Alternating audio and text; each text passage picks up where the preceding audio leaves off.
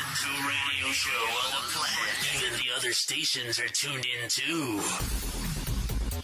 Wiba Podcast Wiba, waktu Indonesia bagian asuransi.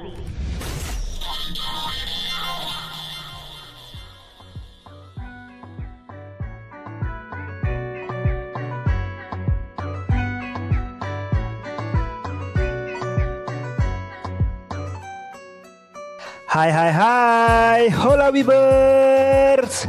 Hola semuanya. Hola hola. Aloha. Balik lagi nih di Wiba Waktu Indonesia bagian asuransi. Yuhuy, ngobrolin asuransi secara ringan tapi berbobot. Ya, dan kali ini kita tuh ada di podcast Wiba, bukan Giba, di episode keberapa nih? 20 22 atau 23 sih? Tiga, dua, tiga. 23. Oh Dua iya. tiga. Ih, Aku tadi mau ngomong 22. Mu- Salah Mung- kamu. mungkin mungkin nih mungkin karena ada satu episode yang aku skip guys, yang aku ke Bali. Iya, lu ke Bali waktu itu. Asik. Oh iya benar. Kamu ke Bali rapid dulu nggak? Rapid dong, swab test juga. Ya. Swab test juga. Kok gue mikirnya yang lain ya? Ya udahlah. Berarti kita di episode Wow. 23 ya. Yes. Nah, Wibers, Wiba Podcast hadir menemani kamu setiap Sabtu sore jam 17.30 waktu Indonesia bagian Barat. Mm-mm, betul. Dan kamu bisa dengerin Wiba Podcast melalui platform Spotify, Anchor, dan juga Apple Podcast. Oh iya nih Wibers, pastiin ya kamu dengerin podcast ini sampai selesai. Biar info yang kamu dapetin biar lebih lengkap. Dan tentunya jangan lupa untuk share dengan keluarga atau teman-teman kamu ya. Ya, dan juga nih Webers, jangan lupa untuk follow, like, dan komen di akun Instagram kita di @wiba.podcast. Bener Wibers, jangan lupa ya untuk follow Instagram @wiba.podcast. Hmm. Eh, Bagiska, dari yang aku lihat, kenapa wajah kamu bermuram durja dan hatimu sepertinya sedang gundah gulana? Oh, Ada apa di cenayang benakmu, ya? wahai Bagiska? Iya, aku Benakku- cenayang. benakku kosong malah, hatiku yang bergumul. Asik. Waduh, yang Kalau benak kosong. bergejolak ya. Kalau benak kosong Sanubari itu, gimana Sanubari? kalau lu benak lu kosong lu makan gulai otak itu, Gis. Gak suka. ya Allah. Santan, cuy. Eh kolesterol. Oh iya iya iya. iya. Jangan. Eh kenapa kenapa Kama? Kenapa wajahmu bermuram durja, hatimu gena gulana, sanubarimu Hmm. bergejolak itu kenapa? Kenapa ya? Eh, bingung aja sih gue. Gue pikir ke depannya gue gimana nih. Hah? Kenapa? Kenapa mbak? Why? Kenapa? Kenapa? Jeng jeng jeng jeng. Ntar dikasih backsound gitu gak sih? Jeng jeng jeng jeng gitu kan? Biar Bukan lebih sinetron. What happened? What happened? Jadi kan sebenarnya mungkin karena pandemi kali ya. Jadi eh, kantor gue itu ada pengurangan karyawan dan gue termasuk salah satunya. Yang gue pikirin sih cuman "Ah, selama ini kan dapat gaji buat bayar cicilan nih nggak dapat gaji nih buat bayar cicilan gue lagi mikir ke situnya aja soalnya eh, nggak cuman diri gue doang kan kan ada anak gue juga ada ya walaupun nggak banyak juga ngasih ke orang tua juga gitu gimana ya Hmm, ada eh, dari perusahaan tempat kamu bekerja ada terjadi perampingan gitu kali ya? semestinya Hmm. badan gue aja yang dirampingin sih butuhnya Ya ampun, sama dong. Ternyata kita sama gitu. ya. gue Nah, juga tapi- butuh perampingan kok di dalam badan gue. Ya ampun. Gue juga. Aduh Tapi aku pengen nanya lebih dalam, boleh kali ya Mbak Giska ya mengenai hal ini. Mhm. Kalau tadi Mbak Giska bilang bahwasannya yang paling dipikirkan sekarang itu adalah eh, beban finansial gitu Mbak ya kurang lebihnya karena untuk Hmm, diri itu sendiri, yang paling penting bener betul untuk ke anak ya si Ucin, kemudian ke Hmm. orang tua juga. Berarti Mbak Giska generasi sandwich dong ya. Hmm, sandwich. Tunggu. Nah, ini generasi guys. sandwich dalam arti sebenarnya atau ada arti dari istilahnya nih? Nah, makanya Webers di episode kali ini kita bak- bakal bahas generasi sandwich. Udah pada tahu belum apa itu Wow. generasi sandwich? Enak ya, Udah pada tahu. enak ya bridgingnya enak banget gitu ya. Padahal sedih ya. Ngalir loh ini air. Iya, tumen-tumenan kita nggak ada pakai cutnya gitu kan, langsung langsung aja ngalir. Karena ini tuh nggak ada adegan-adegan itu nggak ada skrip. Ada adegan panas, Nggak ada skripnya. skrip Tapi ada ya.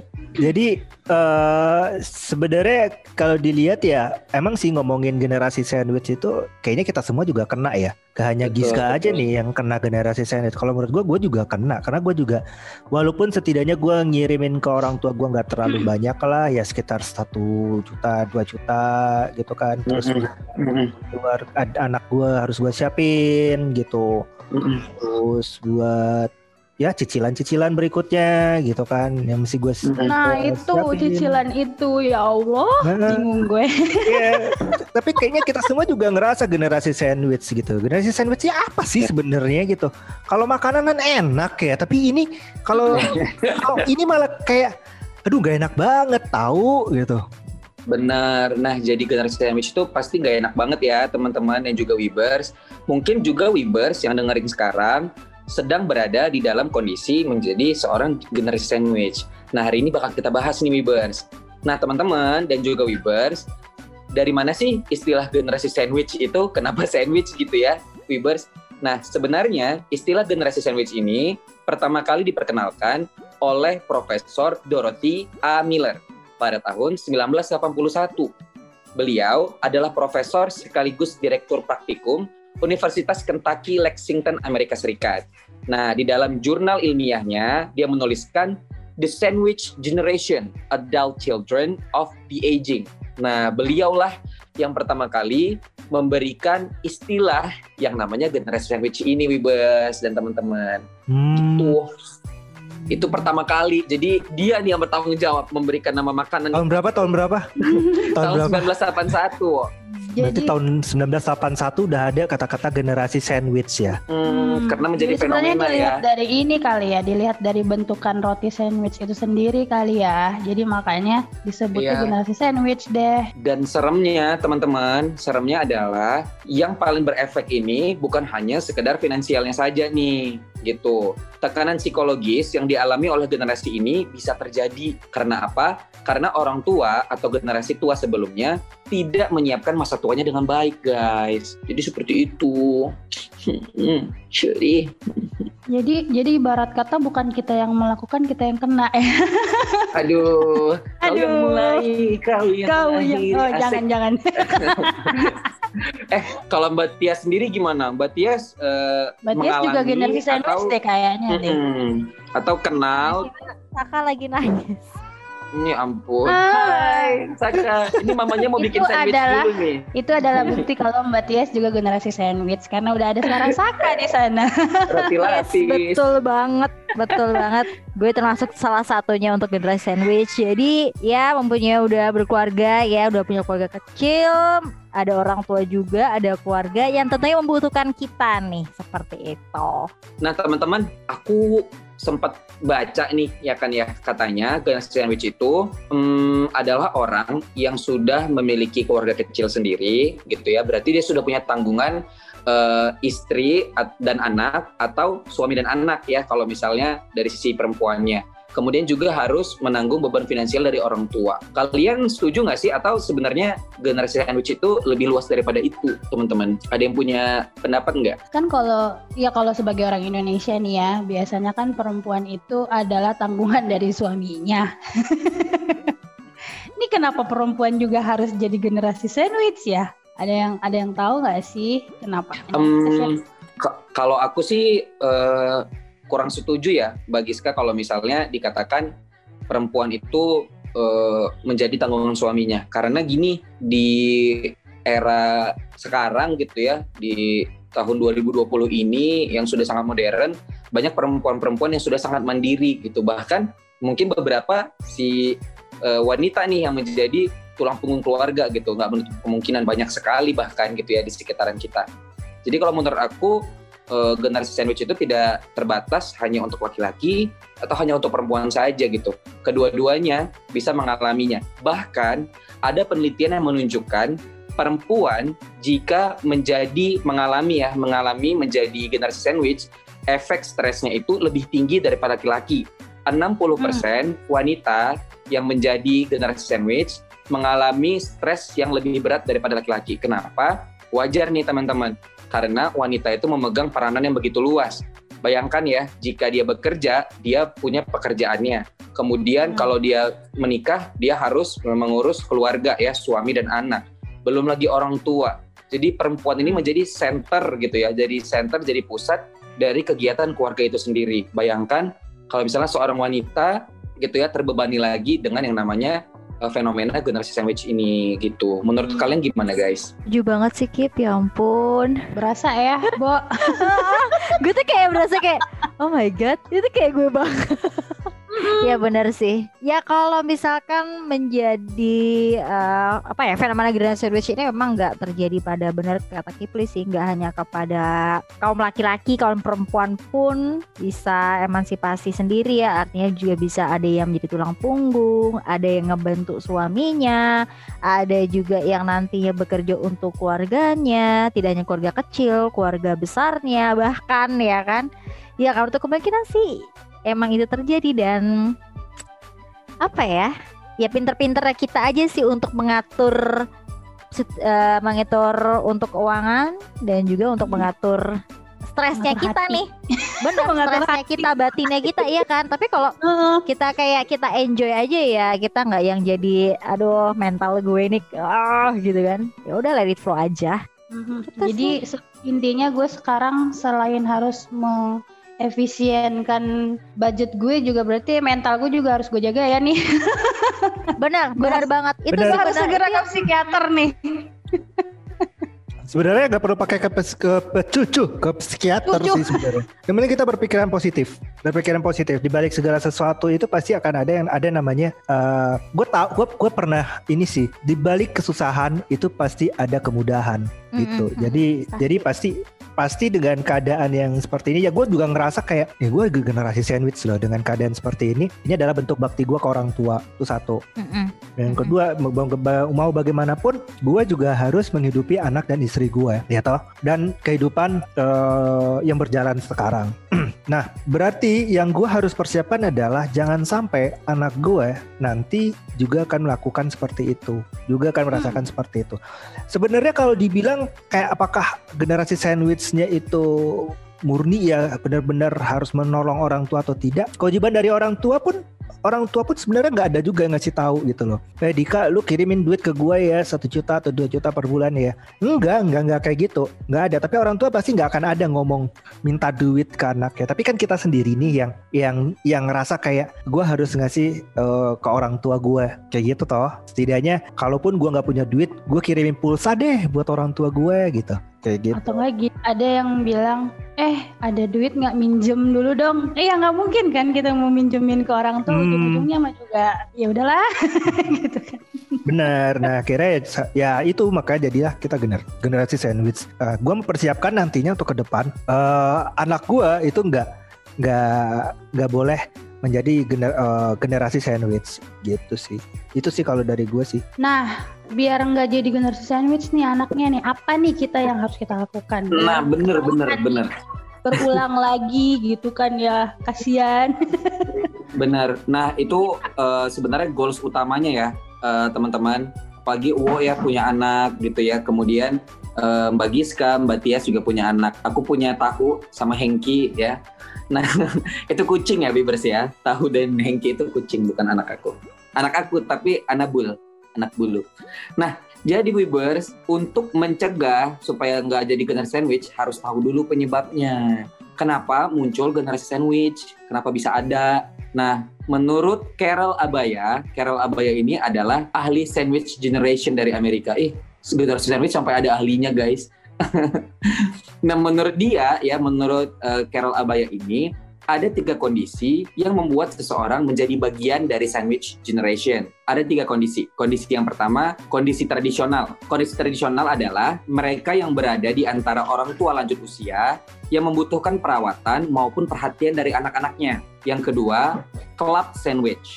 Club sandwich ini adalah mereka yang berusia 50-an 60-an dan berada di antara orang tua manula, anak dewasa, cucu, atau mereka yang berusia 30-an atau 40-an dengan anak remaja, orang tua manula, dan tanggungan. Yang ketiga, open faced. Open faced ini adalah orang-orang yang harus menopang dua orang lainnya, yaitu orang tua ataupun siapa pun tanggungan tanggungan lainnya gitu guys. Jadi banyak penyebabnya ya, ada tradisional, club sandwich, dan juga open face.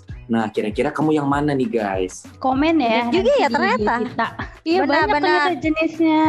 Ya, kira kira ini yang cuma oh ya udah generasi sandwich yang menopang atas bawah udah kelar gitu kan. Ternyata bisa dilihat dari asal muasalnya ya, yang mana yang harus dia Asal tanggung. mula Iya, Asal pada suatu hari. Udah kayak dongeng. iya. Tapi kalau menurut eh, teman-teman nih, Uwo, Mbak Giska, Mbak Hmm. Tias.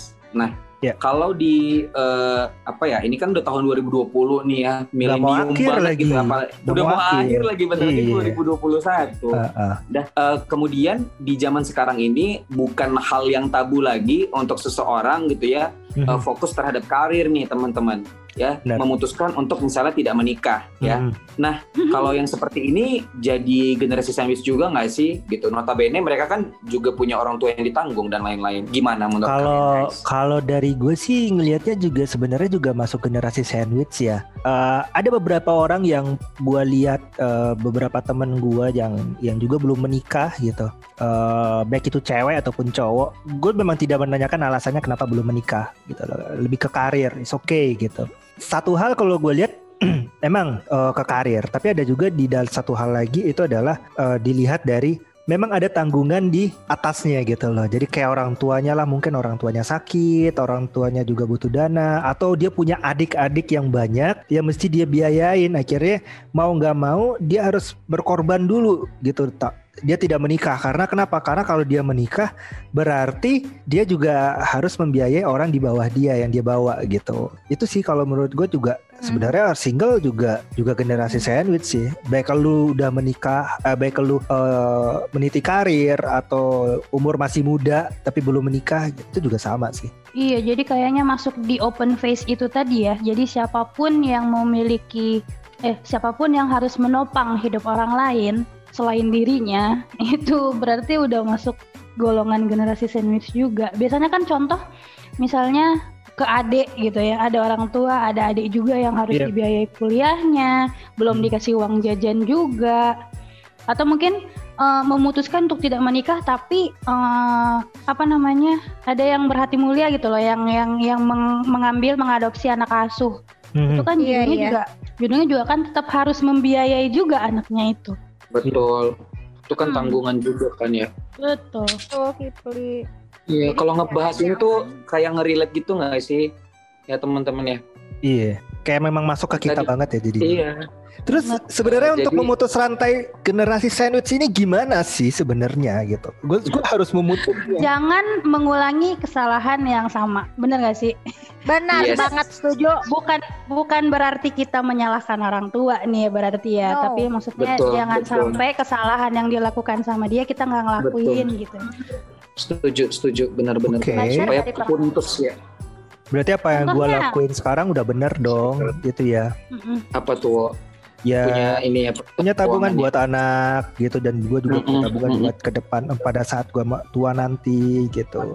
Gue lihat Raditya Dika sih, Raditya Dika juga dia punya kayak manajemen investasi gitu kan. Jadi dia punya asuransi, dia punya ya, investasi dan khusus dia pengen pensiun di umur 45 tahun nantinya. Akhirnya dia menabung lah, berinvestasi lah dari sekarang gitu loh. Sampai dengan eh, 45 tahun itu. Agar apa? Agar nanti anaknya nggak nggak menjadi beban. Dia nggak jadi beban bagi anaknya nanti. Itu sih. Ya benar. Jadi kayak yang dilakuin Mbah Jarwo kemarin ya. Di yang lalu kan Mbah Jarwo udah bikinin apa asuransi yang ada investasinya tuh prepare buat keluarga kecilnya kayaknya dia tuh Iya. karena mau nikah lagi. Ah, ah. Kalau Mbak Iya, Tias gimana Mbak Tias? Apa yang udah dilakuin sama Mbak Tias? Kalau yang aku sekarang lakuin adalah punya proteksi untuk diri sendiri. Jadi itu yang paling penting sih. Jadi untuk proteksi, kemudian juga untuk persiapan untuk pensiun. Jadi once kita udah pensiun nanti, kita tuh nggak kelabakan gitu. Karena eh, ya melihat dari lingkungan sekitar ya orang udah pensiun kan dari segi fisiknya kan udah nggak sekuat dulu lah ya waktu usia-usia produktif nggak mampu lagi untuk bekerja maksud gue kayak gue juga nggak mau masa tua gue nanti tuh masih bekerja kayak kapan gue istirahatnya gitu. Kepengennya sih kayak gitu. Jadi kepengen bener-bener menikmati usia pensiun dan nggak khawatir lagi nih masalah keuangan karena udah punya dana yang udah disiapin untuk nantinya. Jadi kita udah nggak membebani anak-anak kita nanti. Jadi udah kita berdua sama suami udah bisa hidup mandiri. Kepengennya sih gitu. Mm-mm. Oke, hmm, Mbak Tias, Wo, yang tadi disampaikan itu kan rencana untuk ke depan, gitu ya, Ya, rencana ah. untuk ke depan, supaya eh, anak gitu ya atau generasi selanjutnya tidak terjebak pada hal yang sama. Yes. Cuman ini ki- kita nih Webers dari Wiba Podcast mau ngasih eh, tips nih buat teman-teman Webers semua Mm-mm. yang sudah terlanjur, yang sudah terlanjur berada di dalam kondisi eh, generasi sandwich ini. Apa yang Ya. harus kamu lakukan? Oke, jadi kamu tahu nih. Nah, ke depannya memang kita harus merencanakan lebih baik ya agar tidak eh, tidak terlan apa berlanjut nih eh, siklusnya gitu ya. Tapi saat ini yang bisa kamu lakukan ada empat tips nih dari Wiba Podcast yang bisa kamu terapkan segera Wibers. Yang pertama, komunikasi. Komunikasikan kondisi keuangan kamu dengan orang tua dan pasangan secara jujur ya. Kalau ada bilang ada, kalau nggak ada bilang nggak ada gitu ya teman-teman.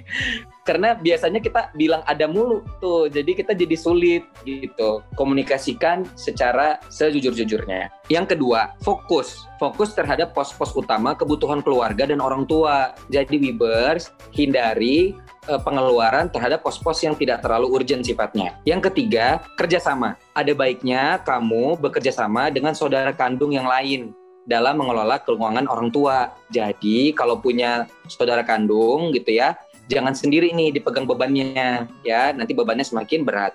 Kalau ada saudara kandung bisa dibagi-bagi itu dikomunikasiin.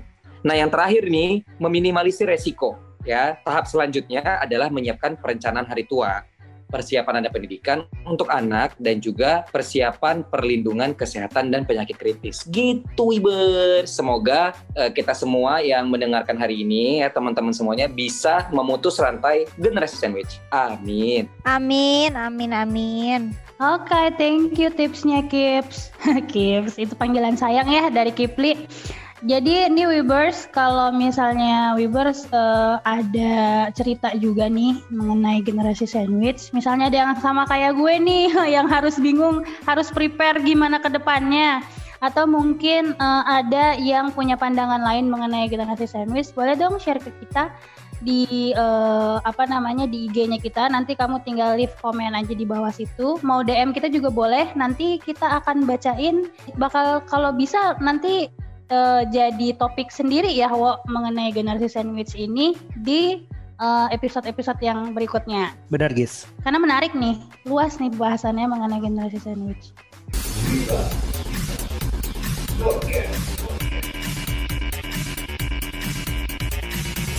Thank you for listening to our podcast.